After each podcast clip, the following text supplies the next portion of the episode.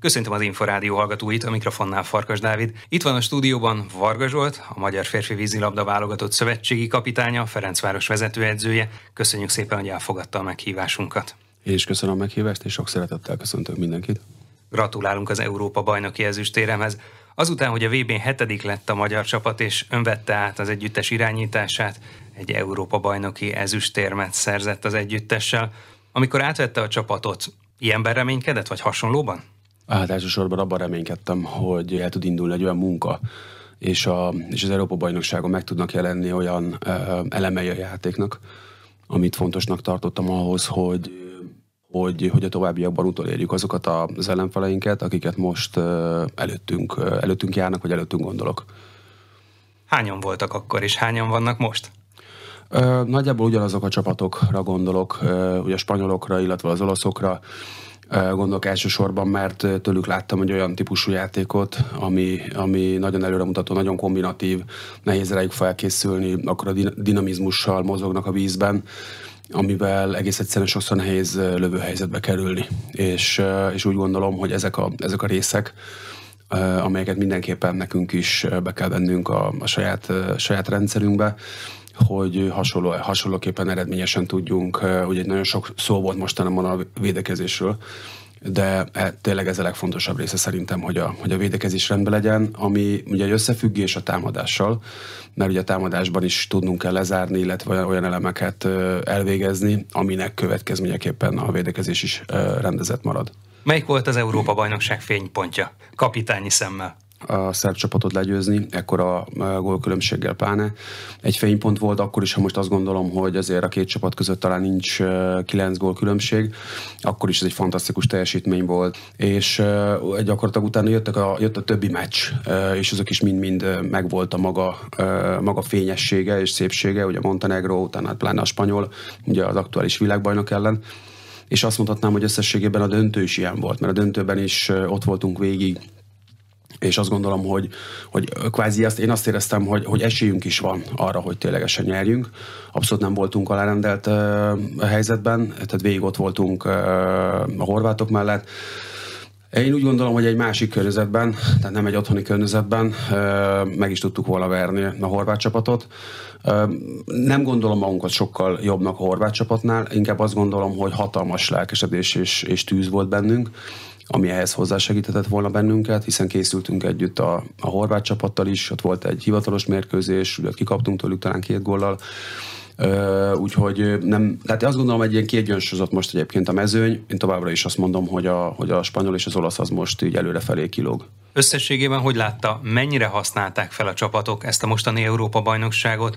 az építkezés szempontjából Párizsra? A fontosabb csapatok mind azzal a, a komplexitással jöttek, ahogy csak tudtak. Ha sérültjeik voltak, akkor nem, akkor nem jöttek, vagy azok a játékosok, mint például a szerbeknél is hiányzott Jáksics, meg egy center talán, de a többi csapatot azt láttam, és spanyolok is maximálisan. Én, én úgy éreztem, hogy nyerni akarnak, hogy jó, jó lendületben vannak, és ugye végre sikerült nekik nyerniük egy világbajnokságot, és maximálisan azt éreztem, hogy ők, hogy ezt az Európa bajnokságot is meg akarják nyerni, ugyanúgy az olasznál is ezt láttam, hát horvátra persze egyértelmű volt, tehát hogy, hogy mennyiben mindannyian szerintem bizonyos, bizonyos mértékben mindemellett, hogy, hogy, hogy minden csapat nyerni akart, bizonyos mértékben, gondolom különböző mértékben, főleg ahogy láttam, de mindenki felhasználta arra, hogy, hogy egyfajta csapatépítésre, próbálgatásra, fiatalabb játékosok bevezetésére, tehát mindenki felhasználta erre is. Jelentősen fiatalított, ugye több okból is volt olyan játékos, aki nagyon fáradt volt, szüksége volt egyszerűen a pihenésre, de gondolom, hogy Párizst is szem előtt tartotta. Nem, mindenféleképpen úgy, úgy raktam össze az első csapatot, illetve az első keretet, akikre mindenképpen azt gondoltam, hogy lehetőséget kell nekik kapniuk, meg kell néznem őket, hogy, hogy egy ilyen komoly téthelyzetben hogyan tudnak, hogyan tudnak teljesíteni. Mi lesz a reakció ténylegesen. Én azon kívül azt gondolom, hogy, hogy ez a csapat, aki most itt ugye kint volt az Európa bajnokságon, ennek a nagy része hanem majdnem mondjuk azt lehet mondani, hogy talán az egésze. De Párizs után mindenféleképpen ez a, ez a csapat lesz az, ezek a játékosok lesznek, talán egy-két fiatal játékossal kiegészítve, akik viszont utána fogják vinni tovább a, a a magyar vízilabdát, és én úgy gondolom, hogy ahhoz, hogy ők ténylegesen tudják vinni, és, és ne legyen egy, egy űr, akkor ezeket a játékosokat és ezt a csapatot úgy menedzselni kell, fel kell építeni, játszatni kell őket világversenyeken, hozzá kell szoktatni őket a légkörhöz, ahhoz, hogy mi történik egy ilyen világversenyen, egyáltalán mi, mire van szükség, milyen állóképességre, milyen taktikai tudásra van szükség, tehát ez mind-mind egy ilyen felkészülési folyamat. Ha végignézzük mondjuk a, a spanyol csapatnak az elmúlt éveit, nagyon sok döntő helyzetben voltak, nagyon sok döntőt veszítettek el. Viszont egy, egy idő után egy ilyen csapat az, az beérik, és eljut oda, hogy, hogy nyerjen egy komoly, egy komoly világversenyt. Nyilván minden csapatnak megvan a saját, a saját története, tehát nem azt gondolnám, hogy egy spanyol mintát kellene nekünk másolnunk, de mégis ezek ilyen folyamatok. Tehát amit így kívülről, ha végignézünk, akkor általában így szokott történni, hogy, hogy van egy-egy csapat, elindulnak, építkeznek, különböző világversenyeken nem biztos, hogy a legjobb eredménnyel zárnak, de ahogy, ahogy épül a csapat, ahogy masszívabb, egyre egyre erősebbé válik a taktikai háttér is csapatszinten, fizikálisan is megerősödnek a játékosok, értik már, érzik már, hogy mi kell egy világversenyhez, és így jutnak el. Tehát ez mindenképpen fontos, egy fontos indítás volt, és azt is hangsúlyoztam a játékosoknak is, az Európa Bajnokság előtt is, alatt is, hogy maximális nyomással szeretném, hogyha játszanánk, úgy, mint hogyha egy olimpiai elődöntő lenne, vagy olimpiai csoportmérkőzés, vagy, vagy döntő. Mert csak ezen a szinten, illetve egy ilyen világversenyen lehet gyakorolni ezeket, a, ezeket az élethelyzeteket. Számított-e, vagy számíthatott-e az, hogy korban viszonylag közel voltak a játékosok? Ugye az idősebbek most nem voltak itt, azok a rutinos játékosok, akik mondjuk már ott voltak Tokióban, vagy ott voltak néhányan már Rióban, azok pedig talán ugye a 20-as éveik második feléhez most kezdenek el közelíteni, vagy éppen beléptek abba, ugye a fiatalok pedig 20 év körüliek. Azt, hogy, hogy van egy ilyen átlag életkor, az, az mindenképpen egy, egy fontos, hiszen ebben van egy, egy hatalmas tartalék időben is hiszen uh, ugye én is így néha úgy számogatok ugye a fejemben, hogy, hogy ugye az olimpiai ciklusok alatt, tehát ahogy eltelik négy év, egy-egy korosztály, vagy akár ha azt nézzük, ezek a fiatalok, akik most nyertek uh, világbajnokságot, a 18 éves, vagy 16 éves korosztály, hát gyakorlatilag azok uh, már az olimpiára 20 évesek lesznek, és a következő olimpián már 24. Tehát, hogy gyakorlatilag ezek, ezek közül a játékosok közül már azok közül is be kell építeni, és azok közül is menedzselni kell játékosokat építeni, hogy, hogy a következő olimpián ők már komoly, komoly résztvevők lehessenek. Tehát uh, én úgy gondolom, hogy minél korábban uh, kezdi el, és ezért fontos az utánpótlás nevelés, mert nyilván ahhoz, hogy az ember felnőtt szinten be tudjon építeni, ahhoz egy elképesztő nagy munkára van szükség már az utánpótlás korosztályokban is. Tehát mind fizikálisan, hogy felépüljenek, játéktudásban egy hasonló taktikai repertoára rendelkezzenek a játékosok. Ez egy nagyon fontos része annak, hogy, hogy a játékosok beépíthetőek legyenek később az ideigi tapasztalataim alapján, és ezt most nem a válogatottra mondom nyilván, mert ez, ez egy új tapasztalás, hanem a, a, a Fradira, ahol, ahol szintén ez volt, hogy, hogy jöttek fiatal játékosok, és azokat így be kellett építeni a, a csapatba, uh, aminél azt láttam, hogy igenis kell az, egy vagy két év az utánpótlás uh, korosztályba kikerülő játékosoknak, mire mire úgy egyáltalán tényleg felkészültek fizikálisan arra, hogy, hogy mivel jár egy, egy BL mérkőzés, vagy egy igazi e, magyar e, rangadó. Volt egyébként olyan, aki ezt meghazudtolta, és szinte azonnal úgy tudott teljesíteni, mint hogyha már rutinos klasszis lenne fiatalon? Rutinos klasszisként semmiképpen nem fogalmaznám őket, de ettől függetlenül volt olyan, aki tudott, tudott teljesíteni, vagy tud teljesíteni, de akkor is azt mondom, hogy ezek közül mind nagyon hullámzóak. Tehát vannak olyan, voltak olyan mérkőzések, ahol, ahol nagyon jól teljesített egy, egy játékos, egy, egy ilyen fiatalabb játékos, de ez igaz mondom továbbra is a Fradira is, ott láttam őket ugye sokkal hosszabb távon, illetve hónapok alatt, hogy hogyan fejlődtek, hogy hogyan, hogyan dolgoztak. Egyébként szerintem ez jellemző egy fiatalabb játékosra, hogy, hogy ezzel a hihetetlen erővel, a lelkesedéssel, tűzzel tud pótolni egy csomó mindent, ami esetlegesen még egy klasszis rutinos játékosban már megvan, és ezért tud nagyon jól játszani. De egy teljesítmény az nyilvánvalóan hullámozni fog. Tehát pont ez a lényeg egy fejlődésnek, hogy, hogy ezt a hullámzást egyre kisebb amplitudóval csinálja. Összességében, amikor kijelölte ezt a keretet, miben reménykedett, mikorra érhet össze a megfelelő csapattá? Mikorra sajátíthatják el azokat a dolgokat, amelyeket gyakorlatilag súlykolt beléjük ezeken a nagyon intenzív összetartásokon, mert ugye rengeteget dolgoztak az EB előtti hetekben is. Ez is több összetevős, ugye egyrészt azok a játékosok, akik, akik már dolgoztak velem, ugye azért ebből is több volt ugye ebben a keretben. És többféle, ugye van, aki Fradics, van, aki olyan, aki volt játékos a Fradiból, tehát azért többséget ismerte. Így van, és talán ez, ez adhatott egy, és adott is egy, egy olyan érzést, hogy, hogy, hogy talán nem kell olyan nagyon-nagyon sok idő, mint amit ideig úgy láttam, vagy, vagy edzőként tapasztaltam, hanem relatíve gyorsabban tudunk haladni, és el tudunk érni legalább egy, egy jó alapszintű játékot, mire kijutunk az Európa bajnokságra. Na most ez közben a gyakorlatban ez nem így nézett ki. Tehát teljesen őszintén, a, amikor haladtunk előrefelé, akkor ugye se Horvátországban nem olyan volt, bármilyen az még a második hét volt. A Benukupán is uh, voltak olyan pillanatok, ami, ami jó volt, aztán voltak olyan pillanatok, amikor ilyen fejbe akargatós volt, hogy hú, hát ez most... Uh, én ugye felhasználtuk ugye a holland meccset is, ami egy ilyen feszes, szorosabb meccs lett ugye a harmadik negyed tájékára. Én pont, az, pont azt mondtam, hogy figyeljetek, egyelőre ne azt nézzük, hogy ki az ellenfél, hanem azt, hogy egy ilyen nehezebb mérkőzést, ami nehezebb mérkőzésé vált, hogyan tudunk megnyerni. És szerintem jó, ebből a szempontból az egy hasznos mérkőzés volt, de nyilván mindenkiben fölmerült a kérdés, hogy jó, jó, de oké, egy holland csapat ellen küzdöttünk most így, nem egy szerb ellen, vagy egy horvát ellen, vagy egy olasz ellen, és utána ugye kimentünk Spanyolországba, és ott is két komolyabb edzésen, ahol öt, öt négyeket játszottunk a esténként a spanyolokkal, kaptunk szerintem a 35 gólt a két, a két, két kapun, mind a két két kapun kikaptunk három-négy góllal, és hát ott is az volt az érzésünk, legalábbis én nekem mindenféleképpen, hogy oké, okay, fejlődünk, látható azért a fejlődés, mert voltak jó játékrészek, de hogy, de hogy ettől a szintől még tényleg messze vagyunk, abszolút ez volt az érzés és, és hát ugye ez egy héttel volt az Európa bajnokság előtt. Tízből hányszor tudnák megverni a spanyol csapatot? Ez, ez szerintem nagyon sok függ a körülményektől. Hát a, a statisztika alapján, amit játszottunk, hogy ez, ez háromból, háromból egy volt. A legfontosabb. A legfontosabb, hál' Istennek, igen.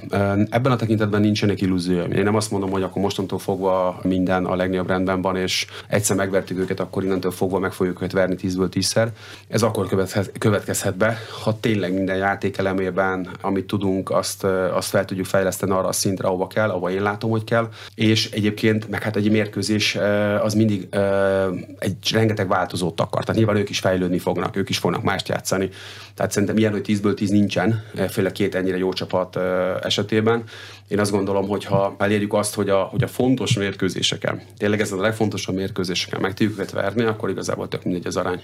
Egy csapatban nyilván mindig vannak kisebb-nagyobb feszültségek, és egy szövetségi kapitánynak vagy egy vezetőedzőnek az lehet a célja, hogy ezek kisebbek legyenek, de ön hogyan kezeli, hogyha mondjuk akár két játékos között van probléma, akár egy stábtag és egy játékos között? Hát a, a, a feszültség az, az szerintem minden közösségnek a, az egyik összetevője.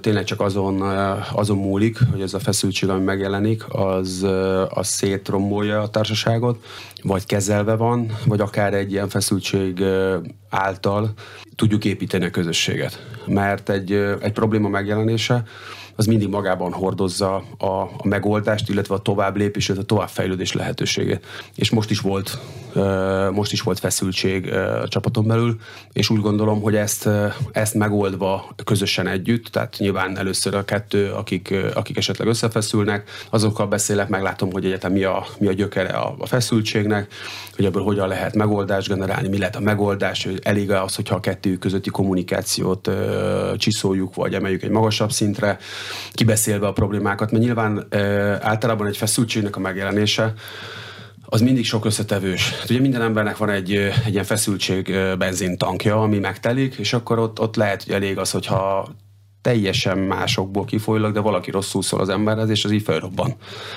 és ez a, ez a tank így tele van, akkor először azt meg kell várni, míg az így lecsapolódik, és egy sokkal kevesebb feszültség, mert ilyenkor sokszor az emberek, amikor elveszítik a, a úgymond a, a fejüket, és olyanokat vág, vág, vág, vágdosnak egymás felé, ez, ez mindenkire igaz, ott nem nagyon mennek be az információk. Tehát én szerintem egy, egy feszültségkezelésnek, egy veszelked, veszekedéskezelésnek mindig ezek a menetei, hogy először a feszültségcsökkentés, ez bármi legyen is az, akár egy utána egy úszás, vagy egy futás, most ezt bármire lehet mondani az életben, ajtócsapkodás, és utána, amikor az emberek lehiggadnak, akkor lehet ö, észszerűen elkezdeni arról beszélgetni, hogy tulajdonképpen mik voltak, amik ideig vezettek, és hogy hogyan tudunk ebből ö, fejlődni, mert ez a legfontosabb.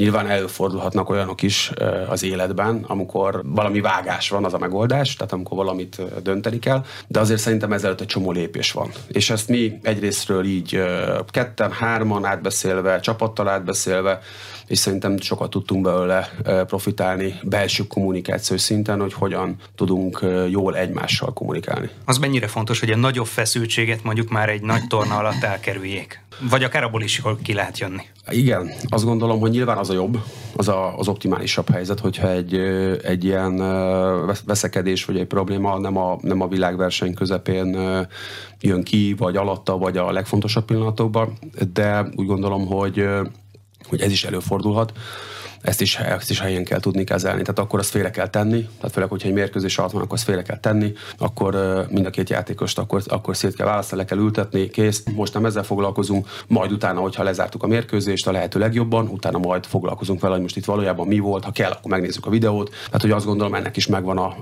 megvan a maga forgatókönyv, vagy menete. Én úgy gondolom, hogy azért ebben azért tényleg profik, vagy profibbak a játékosok, hogy annál, hogy most ténylegesen egy, egy nagyon fontos mérkőzésen elkezdjenek személyeskedni. Tehát azért ez eljut ide azért, a, a, a, tehát akik ide eljutnak erre a szintre, azért általában emberileg is, mentálisan is azért felkészültebbek. És hát igen, tehát egyszerűen profibak annál, hogy mondjuk egy ilyen szituáció előfordulhat, továbbra is mondom, de azért úgy gondolom, hogy, hogy ezért ezeket a szabályokat, illetve ezeket a belső ilyen hierarchiát vagy rendet, azért ezt mindenki tudja, hogy egy mérkőzés az mindennél fontosabb, aztán majd, hogyha megnyertek, utána majd lehet vitatkozni, hogy mi volt a vízben. Alapvetően egyébként baráti, vagy majdnem baráti játékos kapcsolatokról van szó, vagy pedig ilyenre még egy épülő csapatnál nem feltétlenül kell gondolni? Tehát azt talán inkább tőlük kéne megkérdezni, hogy, hogy mennyire, érzik. Nyilván látom én is azt, hogy vannak ö, olyan párok, olyan hármasok, akik úgy összeülnek, és jól, lehet jól látni, hogy abban a társaságban jól érzik magukat. Én inkább azt tudnám példaként felhozni, ami inkább nekem volt játékosként. Mert egy edzőként azért abban nagyon belelátni, hogy, hogy kik mennyire és hogyan és mennyire barátilag szeretik egymást. Nyilván a pozitív az az, hogyha lehet egy olyan csapat, ahol, ahol mindenki tudja magát mindenkivel jól érezni. Azért ez egy elég ritka kombó. Én azt tudom mondani, hogy a 97-től, amikor a, a válogatott így megújult, akkor volt az, hogy így nem is, de ott is az volt, hogy nem az első évben rögtön, de mondjuk így 98-99-re, úgy az év végére megjött az a jó érzés, hogy, hogy itt tényleg bárkivel szívesen leülök beszélgetni, nagyon jó érzés, hogyha ha együtt elmegyünk valahova, mert ugye én előtte nagyon sokszor a, ugye Tiborral voltam mindenhol együtt, tehát a szobába is, ha programoztunk, akkor is együtt voltunk, és kevésbé tudtunk úgy kapcsolódni a hozzánk időben előrébb járó, vagy idősebb játékosokhoz, vagy esetleg a mások gondolkodású játékosokhoz. És onnantól fogva ezt a csapatot, legalábbis ameddig én ott voltam a váltottban 2001-ig, 2002-ig, addig abszolút ez a fajta belső jólét jellemezte, hogy arra tényleg elmondhattam azt, hogy mindenki, mindenki baráti viszonyban volt mindenkivel. Az edző, vagy akár a szövetségi kapitány mennyire lehet baráti viszonyban a játékosokkal? Semmiképpen nem mondanám azt, hogy, hogy ez elsősorban egy baráti viszony. Nyilván ez egy hierarchikus viszony. De mennyire szigorú? Szerintem helyzettől függő, mert nyilván vannak olyan beszélgetések, ahol biztos egy külső szemlélő számára az jelenne meg, hogy ez egy tök jó baráti viszony. Aztán valamikor az ember száma az jelenne meg, hogy uh, ez egy nagyon szigorú viszony így kívülről. Um, én úgy gondolom, hogy, hogy a kellő, tehát mindenképpen kell egy bizonyos távolság, uh, és ez mindenki számára egészséges is, hogyha megvan az a, az egy lépés távolság, mert, mert egy edző számára uh, sokkal nehezebbé válik uh, az a helyzet, hogyha olyan játékosok vannak a vízbe, akikkel esetleg együtt, együtt játszott, uh, vagy nagyon jó barát, mert uh, mert a vízben sokszor egy-egy játékos nem mindig érzi a realitást, amit kívülről egy edző észrevesz. ami mondjuk lehet ugye a, a mondjuk ilyen értelemben általában, hogy az szokott lenne a, a, a rosszabbik, amikor negatív irányba tér el, tehát nem úgy koncentrál, esetleg elkezd lövöldözni, vagy, vagy nem, nem tartja azokat a kereteket, ami ahhoz kell, vagy amit az előtte, amik az edző felállított, és ilyenkor nyilván egy, egy, egy pillanat alatt rendbe kell rakni ezt a dolgot, és olyankor, olyankor nem létezik ez a fajta dolog, hogy mert a barátját az ember nem küldi el a, a, a fenébe, viszont ilyenkor el kell küldeni a, a, az embereket valahova egy picit így gondolkodni. Akár és, haza is lehet zavarni? Hát az egy szélsőséges eset, hogy, hogy az ember hazazavar valakit edzésről. De El, volt már egyébként példára? Előfordult már a karrieremben, igen, hogy, hogy egyszer hazaküldtem valakit, mert ez annyira szélsőséges volt, és annyira nem lehetett abban a pillanatban dolgozni vele. Én úgy gondolom, hogy vannak ahol, tehát mindig hallottam régebben, hogy a, mesélték így a, a szerb játékosaim, hogy náluk ez egy ilyen rendszeresebb dolog volt. Nálunk azért ez nem rendszeres, azért ez a, azért az a legszélső, az edzésen az egy nagyon szélsőséges eset, hogyha valaki haza lesz küldve, ott azért valami tényleg olyannak kell előfordulni, ami azért ezt nagyon, meg, nagyon megalapozza. Nagy stábbal vágott neki a munkának. Mennyire segítettek a stábtagok ahhoz, hogy ezt az eredményt el tudják érni? Én ugye a Fradiban is stábbal és nagy stábbal dolgozom. Én, én úgy gondolom, hogy a, hogy a mai profi sportban ez szinte csak így lehet, és én úgy, úgy érzem, hogy ennek a mostani sikernek egy nagyon nagy kulcsa volt az, hogy a, hogy a Fradi abban partner volt, tehát az elnök úrtól kezdve, Kubató Gábortól, Nyíri Zoli, Madaras Norbig, hogy segítettek abban, hiszen nem volt stábom. Tehát ott álltam, amikor beívtak az elnökségülésre, és, és azt közölték, hogy akkor mostantól én vagyok a szövetségi kapitány, nem volt stábom. Tehát nulla ember volt. És volt tehát a három napom, hogy, vagy négy, hogy, hogy valamit össze összerakjak. Mert egyébként én azt gondoltam, hogy a legfontosabb az az, hogy a játékosok, akik ott lebegnek a bizonytalanságban, egy hetedik hely után rossz pszichés érzelmi állapotban, kapjanak egy biztonságot, tehát kapjanak egy, egy utat, hogy akkor oké, okay, rendben van, de most viszont errefelé haladunk, elindulnak az edzések, és mindenek el kellett indulnia egyből. Úgyhogy egy óriási köszönet azért, hogy ebben, ebben támogattak, és meggyőződésem, hogy nagyon nagy része van a, a sikernek abban, hogy, hogy én is tudtam elsősorban arra fókuszálni, ami a feladatom az, hogy az edzések meg a, meg a csapat jól tudjon működni, és hogy azokat le tudták venni a vállamról, azokat a terheket, ami a csapat egyéb menedzselési felületei, illetve az edzésen való feladat megosztás, hogy, hogy tudom nyugodtan, hogy rá tudom bízni a Sünire, ugye a Nyéki Balázsra azokat a részfeladatokat, amelyeket ugyanúgy tud vinni tovább, mint hogyha én csinálnám, vagy a Gárdonyi Andrisra a kapusokat, aki ugye már dolgozott együtt a Somával, és egy, egy nagyon komoly analízist kértem, és hogy csinál is a, a kapusok játékosoknak a, azzal kapcsolatban, a lövőkkel, az ellenfélövőivel kapcsolatban. Tehát ezek nagyon-nagyon fontos részei, úgy, a Pozsonyi Zsolt, a, a Gósi Gabi, tehát hogy így van, tehát hogy a pszichológus, tehát ez, ezek nélkül nagyon, tehát ebben a, ebben a mai világban, ahol ennyire, ennyire minden számít már, mert ugye az ember eljut egy bizonyos mennyiségű edzésig, ahonnan már nem, nem tudott tovább terhelni a játékos. Tehát nem abban rejlik a kulcs, hogy mi sokkal többet edzünk, hanem specifikusabban, egyénekre lebontva, ténylegesen, és ahhoz viszont több ember kell, hogy egyénekre lebontva tudjunk dolgozni. Akár azt is mondhatom, hogy például az is egy óriási segítség volt, ez mondjuk a szövetség részéről lehetővé tették, hogy legalább a felkészülési időszak alatt két, két master dolgozzon velünk. Mert így legalább ugye minden edzés után négy embert át lehetett masszírozni, le lehetett lazítani, ezzel a mennyiségű edzéssel, amennyit csináltunk, ami nap, napi 6-7 óra volt, és ez is egy nagyon fontos lépés volt. Tehát abszolút a, a, a stáb az ebből a szempontból egy nagyon, nagyon kiemelt és fontos része a, a munkámnak. Háromfős csapatmenedzsment is volt. Ezeknek a szakembereknek mi volt a szerepe ebben a felosztásban?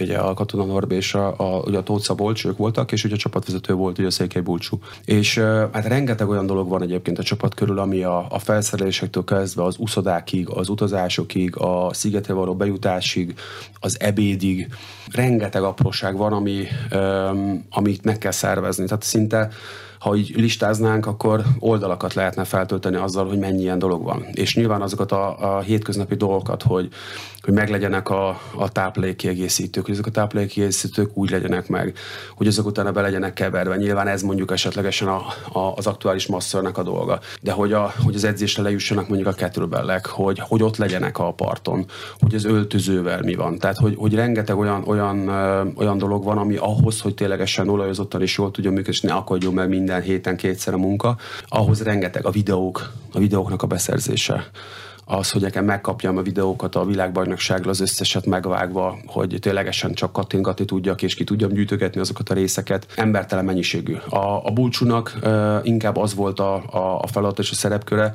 hogy amikor a, a nagyobb dolgokat kellett, uh, mondjuk el, el akartunk menni Spanyolország, mondjuk az nem volt benne a az eredeti programban, illetve hogy egyfajta képviselete a, az elnökségnek, azt, hogy, hogy, hogy ténylegesen egy, egy rendnek a képviselete.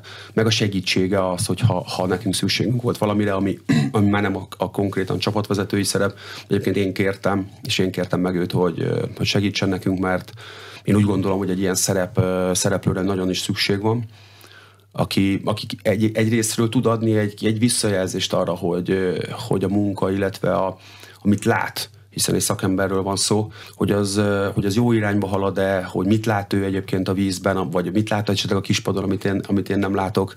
Hogy kívülről nézze a mérkőzést, azzal a hatalmas tapasztalatom, amivel, amivel ő is rendelkezik és szerintem ez egy nagyon-nagyon fontos szerep, mint egy ilyen külső mérték, hogy, hogy amit én belül érzek, az, az teljesen kívülről egy szakértői szemmel ez hogyan néz ki. Megfiatalított csapattal ért el az ezüstérmet a Spliti Európa bajnokságon ez a válogatott, de egyénileg volt esetleg olyan, aki különösen is meglepte ezen a tornán, azt is figyelembe véve, hogy azért nagyjából öt hetet együtt tudtak előtte készülni.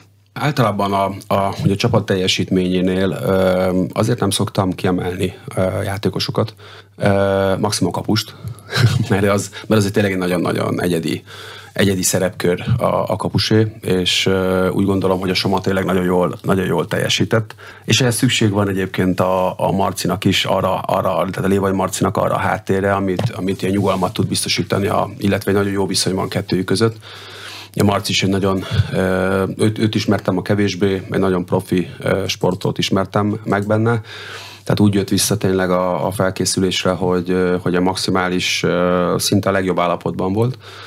És, és ez egy nagyon jó dolog volt látni, hogy, hogy úgy a, hogy a két kapusnak a viszonya, a, az, hogy ők ténylegesen mekkora erőt hoztak bele, és mekkora teljesítményt hoztak bele. Tehát inkább őket, őket emelném ki. Azért nem emelném ki a mezőnyjátékosokat, mert nagyon sok összetevős. Tehát például van olyan, aki, aki mondjuk lehet, hogy mondjuk csak a blokkjaiban, vagy labdaszerzéseiben, de az is lehet, hogy csak a felúszásaival szolgálja a csapatot, és elképesztő nagyon fontos az, hogy, hogy valaki a két métertől két méterig óriás lendülettel végigviszi, és vagy akár csak elviszi mondjuk az egyik játékos az egyik oldalra a másik oldalra, és ezek, ezeket én ilyen szürke melónak hívom, tehát ez a szürke munka része, amit el kell végezni, és ahhoz, hogy csapat nyerjen, ezeket, ezeket maximálisan el kell végezni. És valójában a végeredmény tekintetében ez ugyanolyan fontos, mint aki a gólokat lövi. Tehát az, hogy valójában kilövi a gólokat egy mérkőzésen indiferens, annyiban, annyiban érdekes, hogy nyilván, hogyha valaki mondjuk nagyon jó góllövő formában van, az mondjuk persze egy jó, egy jó helyzet, vagy egy jó uh, alapot ad arra, hogy, hogy akár egy timeoutos forban, uh, vagy hogyha látom, hogy egy olyan játékhelyzet van, akkor azt uh, nyilván oda teszem hogy, hogy ő tudja befejezni. Tehát ennyiben fontos azt látnom, hogy ténylegesen a, a maga gólövés az kinek megy azon a nap, adott, adott napon jól. És mi, ha nem megy mondjuk egy klasszis játékosnak, aki rendszeresen lövi a gólokat, rendszeresen helyzetbe kerül, de azon a fontos mérkőzésen mondjuk három-négy nagy helyzetet is kihagy. Mi a teendője az edzőnek? Mm, különböző a játékosoknál az, hogy melyiknek mire van szüksége. Egyébként egy klasszis játékos, pont attól klasszis játékos, mert nagyon sok minden mással is tudja szolgálni a csapatát. Tehát az, hogyha ő esetleg neki nem megy a lövés, és lőtt, az, lőtt a meccsen hármat, attól ő, főleg ha egy klasszis játékosról van szó, akkor meg tudja mozdítani az ellenfélnek a védelmét úgy, hogy őt, ő rá kiessen a védelem. Ott lesz mögötte a kapufa, ott lesz mögötte a szélső. Ő be tud menni egyébként a kapufához. És egyébként az, hogy most a támadásban hogyan szolgálja, ezek például az egyéb módok, egy klasszis játékos részéről, hogy hogyan tudja a csapatát akkor is szolgálni támadásban. De ha a klasszis játékosról beszélünk, a védekezése is klasszis, és hogyha ő védekezik úgy, hogy megcsinálja ezt a szürke munkát magas szinten, akkor, akkor az a játékos ugyanúgy tud attól játszani, vagy, vagy a csapatnak nagyon fontos része lenni, vagy a győzelemben nagyon nagy részt kivenni, attól függetlenül, mert éppen azon a mérkőzésen nem ő a, a döntő góllövő. Tehát ez egy, így az edzői számmal ez, ez, ez teljesen máshogy néz ki. Tehát ezeket előre kell dolgozni egyébként az edzésen. Tehát nyilván sok szituációt lejátszunk már edzésen, és edzésen is kijön egy csomószor ez. Vannak ugye kisebb mérkőzések, ahol látom, hogyha egy valaki úgy kezd el előböldözni, hogy amit vegyünk úgy, hogy túlzott önbizalommal föláll és eldurrantja, föláll és eldurrantja. Nyilván, hogyha olyan a szituáció, akkor először szólok neki normális, aztán elődd el többet. Nem így csináljuk, vagy most egyszerűen fejezd be ezt.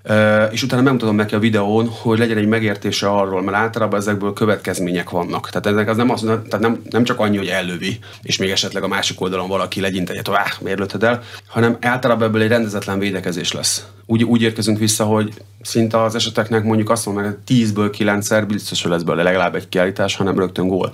És óriási ára van ennek, hogyha valaki idő előtt lövi el, rossz szituációból lövi el. Tehát ezeknek egy megértési folyamatának kell lennie, hogy, hogy mit tartunk szem előtt, következmény szinten. És ha ezeket a következményeket elmagyarázom, megértetem vele, akkor általában azért ez nem szokott utána már ilyen kérdésé válni, hogy maximum egy-egy lövés erejéig, mert, mert akkor abban a szituációban úgy érezte. Viszont az a másik oldal, hogy, hogy azért vannak olyan szituációk, ahol, ahol nem minden egyes szituációban így kezelve, hogy á, fiam, mit, mit, mit műveltél, mert ugyanakkor meg van egyfajta szabadsága is, szerintem a játékosnak kell lennie, amiben hoz egy döntést, mert különben egy nagyon nehéz szituációban, egy nagyon éles szituációban hogy fog tudni döntést hozni, hogyha mindig minden le van szabályozva. Tehát van egy fejlődési útja a játékosoknak, hogy, hogy honnan hova tudnak. Van, aki például jól tudja kezelni már azt, hogyha az a meccsen elő hármat, és esetleg nem ment be neki még a nagy helyzetek sem, vagy akár ki egy 5 méterest, a végén lehet, hogy ő fogja belőni. Ez általában már a, a, a klasszis nagy játékosokra jellemző, hogy hogy egy mérkőzésen belül is ezt, ezt jól tudják kezelni, hogy nem ment az elején, menni fog a végén. Tehát van egy ilyen is. Nyilván, ha én azt látom, hogy segítség kell egy, egy játékosnak, vagy azért előtt kettőt is látom, hogy esetleg még inkább ezek szoktak lenni a problémák, hogy látod, hogy utána úgy magába zuhan, és ami esetlegesen probléma, hogy akkor mondjuk a védekezésben már nem csinálja meg, mert, mert azzal van elfoglalva, hogy kihagytam két helyzetet. És közben meg szerintem ugyanúgy tudja szolgálni a csapatát, akkor is, ha nem lő volt valaki, amit az előbb is elmondtam. Tehát ezeknek ilyen különböző, különböző kezelési helyzete van. Nyilván van egy, egy nagyobb kredit, ha vegyük így, azoknak a klasszis játékosoknak, akik már nagyon sokat bizonyítottak, azoknál már könnyebben el, elfogadom, illetve látom, hogy ők hogyan, hogyan működnek, hiszen rengeteget láttam már korábban is. Tudom, hogy nem arról van szó, hogy ő most itt bekattant és nem tudom mit akar, hanem egész egyszerűen nyerni akar. Nem biztos, hogy megy neki az elején, leveszem egy kicsit, az általában nekik már elég szokott lenni. Leül egy kicsit, higgad, picit ő is ránéz a meccsre, kívülről bemegy, és utána általában tudnak váltani, ha váltani kell, vagy tudják folytatni. De egyébként szokott olyan is lenni, hogy azt mondja, hogy folytasd, folytasd meg kell. Tehát, hogy ennek nagyon-nagyon egyedi a, a, a kezelése ezeknek a helyzeteknek. Jansik Szilárd lett a torna legértékesebb játékosa. Azt mondta az Inforádiónak, amikor hazatért és a Duna Arénában nyilatkozott, hogy ő maga sem számított ilyesmire, ilyen elismerésre, és hát persze elcserélni egy Európa bajnoki aranyére, mert bármikor ezt a címet, de összességében mi volt az ő szerepe, és az ő teljesítménye most már azt is jelenti hogy világklasszisnak számít, világklasszisá érett? A Szilárd ugye messziről indult, és nagyon sokat, hál' Istennek most nagyon sok éve dolgozunk együtt, és már ugye az utánpótlás válogatottaknál is, amikor ott voltam a, a Horessel, Horkai Gyurival, akkor már ugye a, a, a Szili akkor az a korosztály volt. Tehát, hogy így a, érdekes módon, hogy ezt a 94-es, 95-ös korosztály, ez így nagyon átszövi az én edzői pályafutásomat is. És hát én akkor is láttam, hogy a, hogy a Szilárd egy, az egyik legtehetségesebb játékos volt az utánpótlásban. Ugye akkor még nem, lát, nem volt ennyire látható, hogy, hogy az ő szerepe, vagy az ő játékos kvalitása hova fog, hova fog fejlődni, így az, az évek, évek alatt alakult ki. De tény és való, tehát azt is látni kell, hogy, hogy volt szerintem a, a Fradiban majdnem egy év, amikor a videózásoknak a 70-80 százalék arról szólt, hogy, a Szili mit rontál. Tehát, hogy, hogy ebből indult, és ebből lett ez. Tehát az, és ehhez kellett az az alázat, hogy, hogy nem állandóan föllázat, és, és nem tudom, és hőbörgött azon, hogy már megint őről van szó, hanem megnézte, elfogadta, megnézte, elfogadta, és nyilván is dolgozott tovább, kőkeményen. Tehát, hogy uh, ő, ő nála tényleg az, az a fajta munka, morál, amivel dolgozik, az, az, az, az tényleg nagyon példaértékű, és az, hogy ezt is látni kell. Tehát látni kell, hogy egy nagyon sokat úgymond hibázó játékosból, jó adottságú játékosból eljutott odáig, hogy, hogy tényleg ő lett a, az Európa Bajnokság legjobb, legjobb játékosa, és hát nem, nem mindennapi teljesítménnyel. Nyilván az, hogy az ő szerepköre kibővült és más lett, hiszen ő egy, egy centert fogó, védő játékos volt, akit néha így más pozíciókban is játszottak egyszer-egyszer a szélén. Most már abszolút univerzális.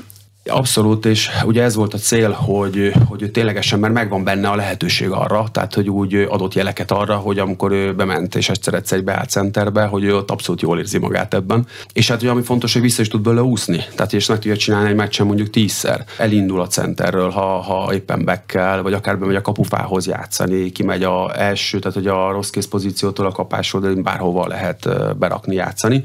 De nyilván ez egy, ez egy hosszú folyamat volt.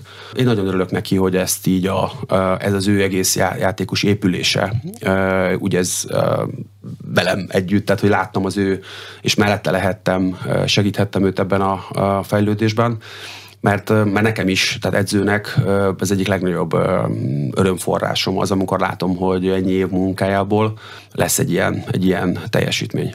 Ami a többieket illeti, mondta, hogy nem szeret egyesével senkit se kiemelni, de a fiatalok közül volt-e olyan, aki azért tényleg annyival jobban teljesített, mint amennyire lehetett számítani, hogy mégis megemlíthető? Továbbra sem fogok nevesíteni, mert a nevesítéssel gyakorlatilag szerintem az történik, hogy ha kiemelek egyet, és tényleg voltak olyan mérkőzések, ahol az egyik, volt, ahol a másik mérkőzésen a másik teljesített jobban. Volt egy utolsó mérkőzés, ahol esetlegesen az Erik teljesített jobban, de, de ez számomra ez nem, nem egy kiemelendő terület. A fiatalokkal kapcsolatban úgyis van egy picit másfajta nézőpontom. Tehát egyrésztről fontosnak tartom azt is, hogy, hogy akárban a, a, a, a, tudja a médiában való szereplésük néha nekem nagyon sok tud lenni. Tehát egy játékos, egy ilyen fiatal játékosoknak szerepel egy Európa bajnokságon. Fantasztikus. De egy, egyrésztről ez nekik egy megtiszteltetés, hogy itt lehetnek, hogy itt lehetnek a magyar válogatottban. Fontos az, hogy oké, okay, most van egy, van egy Európa bajnoki ezüstérem, ebben fontos, fontos szerepeik voltak, persze, de pont az a dolguk.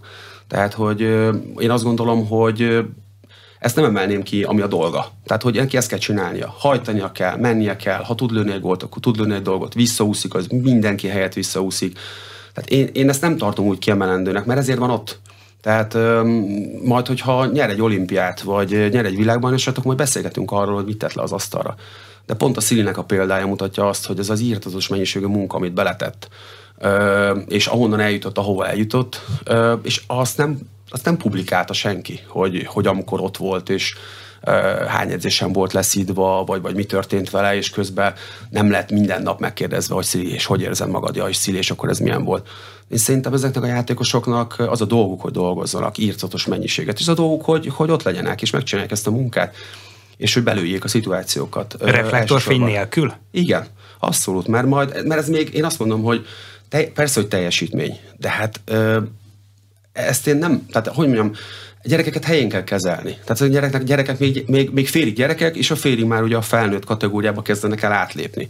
De, és azt sem mondom, hogy kompletten reflektorfény nélkül, mert csak egy normalitásban, és a mai világban szerintem mindenhol, minden csatornán tud ömleni az információ, és, és én meggyőződésem, hogy tévhitek alakulnak ki a játékosokban. Tehát tévhitek alakulnak ki arról, hogy ő 20 évesen szerepelt jól, és akkor ő azt hiszi, hogy ő megérkezett. Hát ez abszolút nem így van.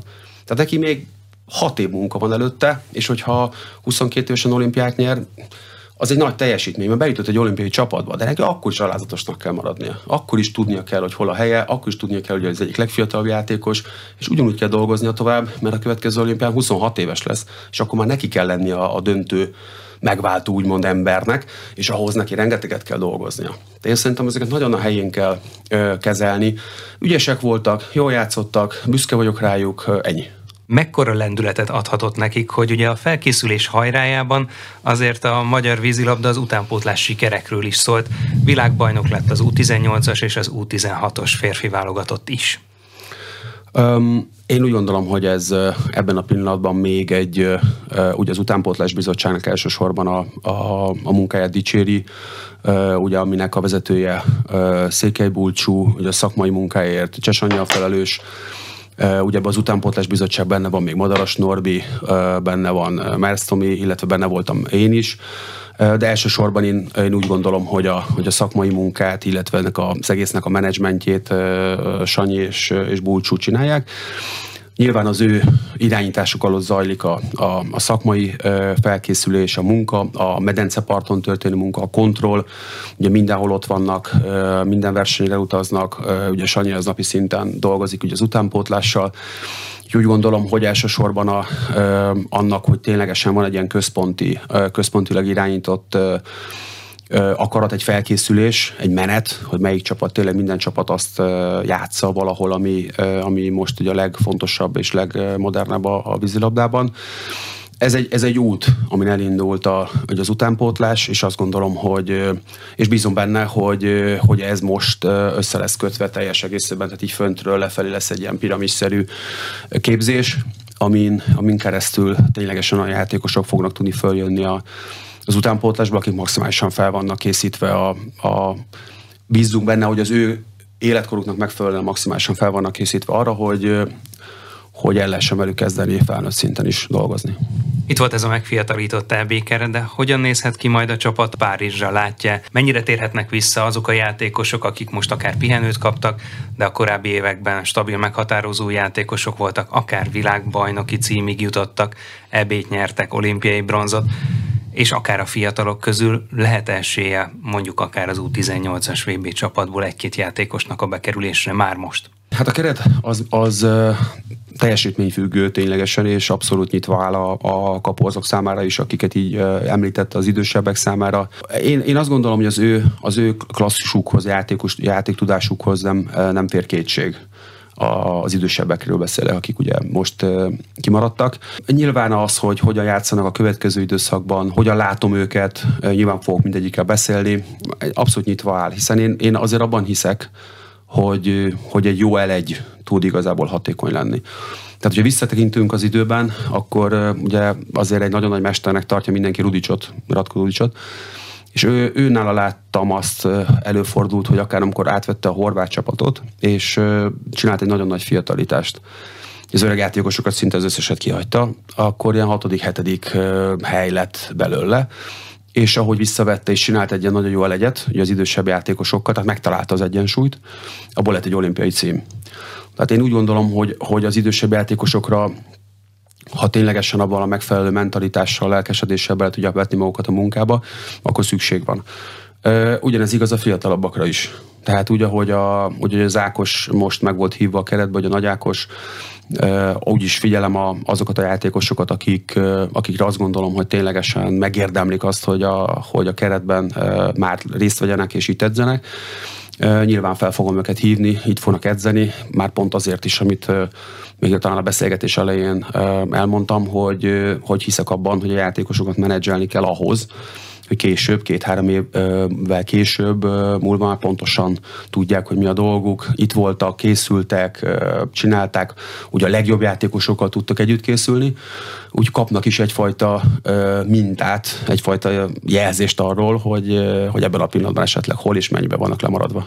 Nagyon eltérő lesz a következő szűk két évnek az első és a második fele. Ugye az első fele gyakorlatilag még a klubszezonról fog szólni, nagy válogatott esemény nélkül, aztán a Fukuokai világbajnokságtól a Párizsi olimpiáig eseménydömping jön két VB, két Európa bajnokság és az olimpia, nagyon-nagyon sűrű menetrendben, de akkor legalábbis a mostani tervek szerint nem lesz már a Ferencváros vezetőedzője. Hogyan építi fel magában, illetve a csapatnak ezt az időszakot? Hát először is folytatjuk a, a, a munkát ebben az évben is, tehát hogyha nem is lesz világliga, akkor is lesznek válogatott edzések, amit egyrésztről felmérőnek szánok, tehát azt, hogy lássam, hogy ki milyen állapotban van, másrésztről az, hogy ki hogy fejlődik, tehát az is lesznek testösszetételmérések havonta, tehát hogy lássam azt, hogy ténylegesen akinek kitűzök célokat, hogy miben kell fejlődni, hogy lássam, hogy egyébként azok hogyan fejlődnek. Tehát ne az legyen, hogy találkozunk májusban, és én azt mondtam, hogy szeretném, hogy lenne tehát három kiló izom, és ugyanott tartunk, mert akkor ez egy öngól Tehát én szerintem ezt egy kont- folyamatos kontrollal látni lehet, és, és hát így kontroll után számon is lehet kérni, meg lehet dicsérni is, hogyha ha valaki jól, valaki jól teljesít, jól fejlődik időközben, lesznek nyilván összetartások. Tervezek januárra is egy, egy hosszabb, egy, egy több napos összetartást, nyilván azért, hogy azokat, amiket megcsináltunk a nyáron, vagy gyakoroltunk, hogy azokat újra és újra elő lehessen hívni, hogy tudjunk gyakorolni, akár elmegyünk ellenféle játszani, hogy azok, azok az elemek nem menjenek el teljesen passzívba, mert nyilván a klubban mindenki a saját taktikai repertoárjával játszik, viszont a váltottnak szeretném ezt megtartani, hogy amit, hogy amit elkezdtünk legalább egy bizonyos szintig megmaradjon, hogy arra tudjunk utána építeni a, a következő időszakban. Fukuoka is egy olyan, egy olyan célkitűzéssel megyünk, ami már ugye abból a szempontból más, hogy ott már lehet szerezni olimpiai kvalifikációt. Tehát ebből a szempontból már mindenféleképpen egy nagyon kiemelt világverseny, úgyhogy hogy maximális, maximális felkészültséggel és erővel megyünk, ahogy csak lehet Fukuokába. A magyar és a külföldi játékosok arányát hogyan érdemes egy klubban alakítani? Most már ugye erre egyrészt rálát szövetségi kapitányként, és ugye több mint kilenc éve a Fradi vezetőedzője. Itt nem ugyanazok az érdekei ugye a válogatottnak, illetve egy klubnak. Ugye idáig elég erőteljesen, illetve hát csak a, a, ugye ezt az oldalát, bár tudok másképp másfelé is gondolkodni, és én úgy gondolom, hogy a Fradiban ez az arány ez mindig megvolt. Tehát nem volt felborítva, hogy volt, nem tudom, 7 vagy 8 külföldi vagy honosított játékosunk, hanem, hanem a külföldi játékosok mellett mindig megvoltak azok a fiatal játékosok, akiknek kifejezetten az a célja, hogy, hogy neveljük őket, hogy, hogy, hogy vágtott játékosokká érjenek, és én azt gondolom, itt az arányban rejlik a, a kulcs, mert jönnek a, a világ legjobb játékosai Magyarországra, Lást Filipovics, Janger, Mitrovic, Nikic, akiktől szerintem rengeteget lehet tanulni. Tehát meccsről meccsre találkozik vele valaki, vagy napról napra edz vele együtt. Itt mentalitás lehet, ha valaki nyitott rá és kérdez tőlük, ők tényleg olyanok voltak, hogy, hogy nyitottak voltak arra, hogy megtanítsanak dolgokat. Tehát én szerintem rengeteget lehetett, lehetett tőlük tanulni, ha a, centerről, a centert nézed, amit Ravistal a védekezésben, és sorolhatnám az összes többit. Pont most a, a, az Ákos, a Konarik mesélte nekem, hogy a Filippo István mindent tanult. Hát én szerintem ezek nagyon fontos elemek. Tényleg úgy gondolom, hogy az aránya fontos. Tehát, hogyha jó arányban vannak jelen a külföldi játékosok, az mindig hoz egy színvonal emelkedést. És hogy hogyha mellette ténylegesen, én nem, nem abban látom a, a problémát, hogy, hogy van-e külföldi játékos, vagy nincs, hanem abban a koncepcióban, hogy hogyan és mekkora munkát fektetünk abba a fiatal játékos generációba, akik, akikbe lehet, vagy akikbe kell. Hogyha van egy tudatos, felépített munka, és ténylegesen vannak standardjeink, hogy hogyan kell kinézni egy játékosnak izomtömegben, zsír és emellett vannak standardjeink, hogy milyen állóképességgel kell rendelkeznie, és e felé fejlesztjük. Ugye tudunk most már mérni láberőt is vízben. Tehát, hogyha ezeket, a, a, ezeket jól építjük, és taktikailag képezzük a játékosokat, akkor ez így ebben a formában egy segítségé válik. Ha arra használjuk a, az idősebb játékosokat, vagy a, vagy a külföldi játékosokat, hogy, hogy ne kelljen ezzel foglalkozunk, mert ez egy hatalmas munka. Tehát hatalmas munka két éven keresztül ott maradni, pluszba egy órát az uszodába, vagy, vagy ténylegesen ott ülni, és állni egy fiatal játékos fölött, még leúszza a 6000 méterét. Én ezt értem, de enélkül viszont, tehát ilyen értelemben itt van elásva szerintem a probléma. Tehát, hogyha arra használjuk őket, hogy kipótoljuk ezeket a munkákat, mert ugye ez egy kész játékos, akkor kárt fog okozni. Ha arra használjuk, hogy ezeket a játékosok még tovább fejleszék azokat a fiatal játékosainkat, amit én úgy gondolom, hogy a Fradiban maximálisan megvalósult, mert, mert lehet látni az elmúlt években hány játékos nevelődött ki így a, a, a Fradiban, akkor szerintem egy nagyon pozitív és jó dologgá válik. Ez ugyanaz, mint bármi más az életben. Jól is lehet használni, és, és rosszul is. Vámost Márton nélkül vágnak neki a Fradival az új szezonnak, némileg tehát átalakult megint a játékos keret. Melyek a fő célok? Úgy gondolom, hogy ha, ha, engem, ha engem kérdeznek, mint, mint mindig, én azt mondom, hogy nyilván nyerjünk mindenhol, ahol elindulunk.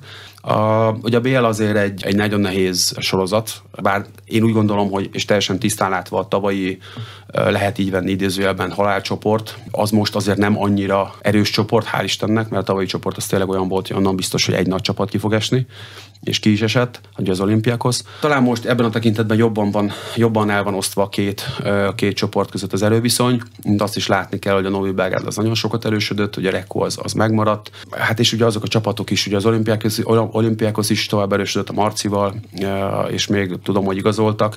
Tehát, hogy, hogy ilyen értelemben vannak csapatok, amik úgy erősödtek, vannak csapatok, amelyek, amelyek talán maradtak azon a szinten, vagy egy picit talán gyengültek. A, a mi céljaink az az bajnokságban, én mindenképpen szeretném megvédeni a címet, a Magyar Kupában is. A, a BL nyilván elsődleges cél az, hogy ott legyünk a, a Final az egy, az egy alapcél, és hát ha már ott vagyunk, akkor, akkor nyilván mindent megpróbálunk azért, hogy a, hogy a legjobb eredmény jöjjön ki onnan is.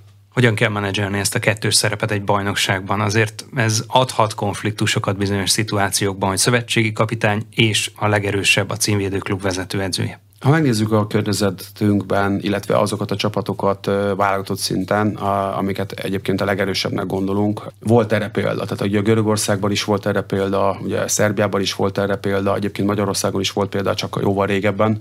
Tehát Gyarmati Dezső bácsi volt, aki egyszer együtt vitte a kettőt.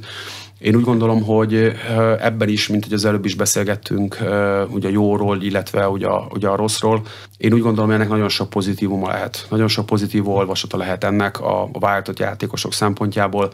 Bízom benne, hogy, hogy ezt az egy szezont ezt le lehet úgy menedzselni, hogy, és igazából ez, ez meg azon múlik, hogy elfogadják azok a, azok a csapatok, hogy ez egy egyedüli eset, ez egy ilyen, ez egy ilyen történet, és hogy ha, ha normálisan vesszük, én, én nem gondolom, hogy ebből, ebből összességében akkora hátrány keletkezne, mint amekkora előnye lehet ennek a válogatott szempontjából. Az energiaválságos helyzetben valószínűsíthető-e, hogy előállhatnak azért kellemetlenségek vidéki egyesületeknél, kluboknál? Veszélyben lehet a bajnokság a mostani tudásunk szerint? Úgy gondolom, hogy ez egy, egy, országos, egy országos probléma, és nyilvánvalóan az elsődleges az, hogy a hogy a magyar állampolgároknak meg legyen oldva a lakásának a fűtése, és a magyar emberek ne fázzanak.